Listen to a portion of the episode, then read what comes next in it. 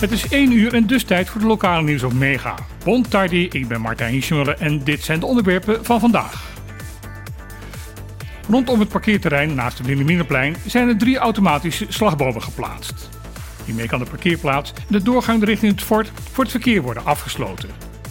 Deze plekken worden nu al regelmatig geblokkeerd, maar dan door losse betonblokken of door een losse slagboom over de weg te plaatsen. De afsluiting wordt meestal gebruikt wanneer er cruiseschepen liggen aangemeerd of wanneer een vrachtschip moet worden gelost. De bediening gebeurt tot nu toe handmatig.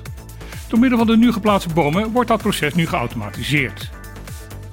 Niet veel nieuws onder de zon zou je zeggen, maar de reacties op het artikeltje van Bonaire.nu hierover zijn behoorlijk fel. Men heeft medelijden met de beambten die tot nu toe de bomen bedienden en vraagt zich af wat met de dieven Bonaire is gebeurd. De oplossing voor dit probleem is al gevonden door een aantal reagerers op het bericht. Er wordt door de een gesuggereerd dat er vast wel binnenkort iemand met een drokke kop door de bomen zal gaan rijden. En de ander denkt dat het Bonaireaanse klimaat ervoor gaat zorgen dat de slagbomen binnen de kortst mogelijke tijd weer buiten werking zullen zijn. De Union Patriottico Bonaireano heeft aangekondigd op zoek te zijn naar een nieuwe partijleider. Net na de eilandsraadverkiezingen in maart vorig jaar maakte de toenmalige lijsttrekker van de UPB, James Kroon, bekend dat hij had besloten om de functie van partijleider neer te leggen. Vanaf dat moment werd deze functie op interbasis waargenomen door Maritza Salberi. Echter, Salberi is per 1 februari benoemd als hoofdafdeling OCW bij de Rijksdienst Caribisch Nederland. Daar moet zij het partijleiderschap nu neerleggen. De UPB heeft Salberi gefeliciteerd met haar nieuwe functie en bedankt haar voor alles wat zij voor de partij heeft gedaan. Deze zoektocht naar nieuw leiderschap zal de voormalige partijleider Kroon optreden als woordvoerder van de partij. Opvallend dat deze rol niet ingevuld gaat worden door de huidige fractieleider van de UPB in de Eilandsraad, Benito Dirks. De minister van Justitie en Veiligheid, Dylan Jezelkus, heeft in een voortgangsbrief aan de Tweede Kamer laten weten dat de rechtshandhaving in de WES op een aantal punten zal worden aangescherpt.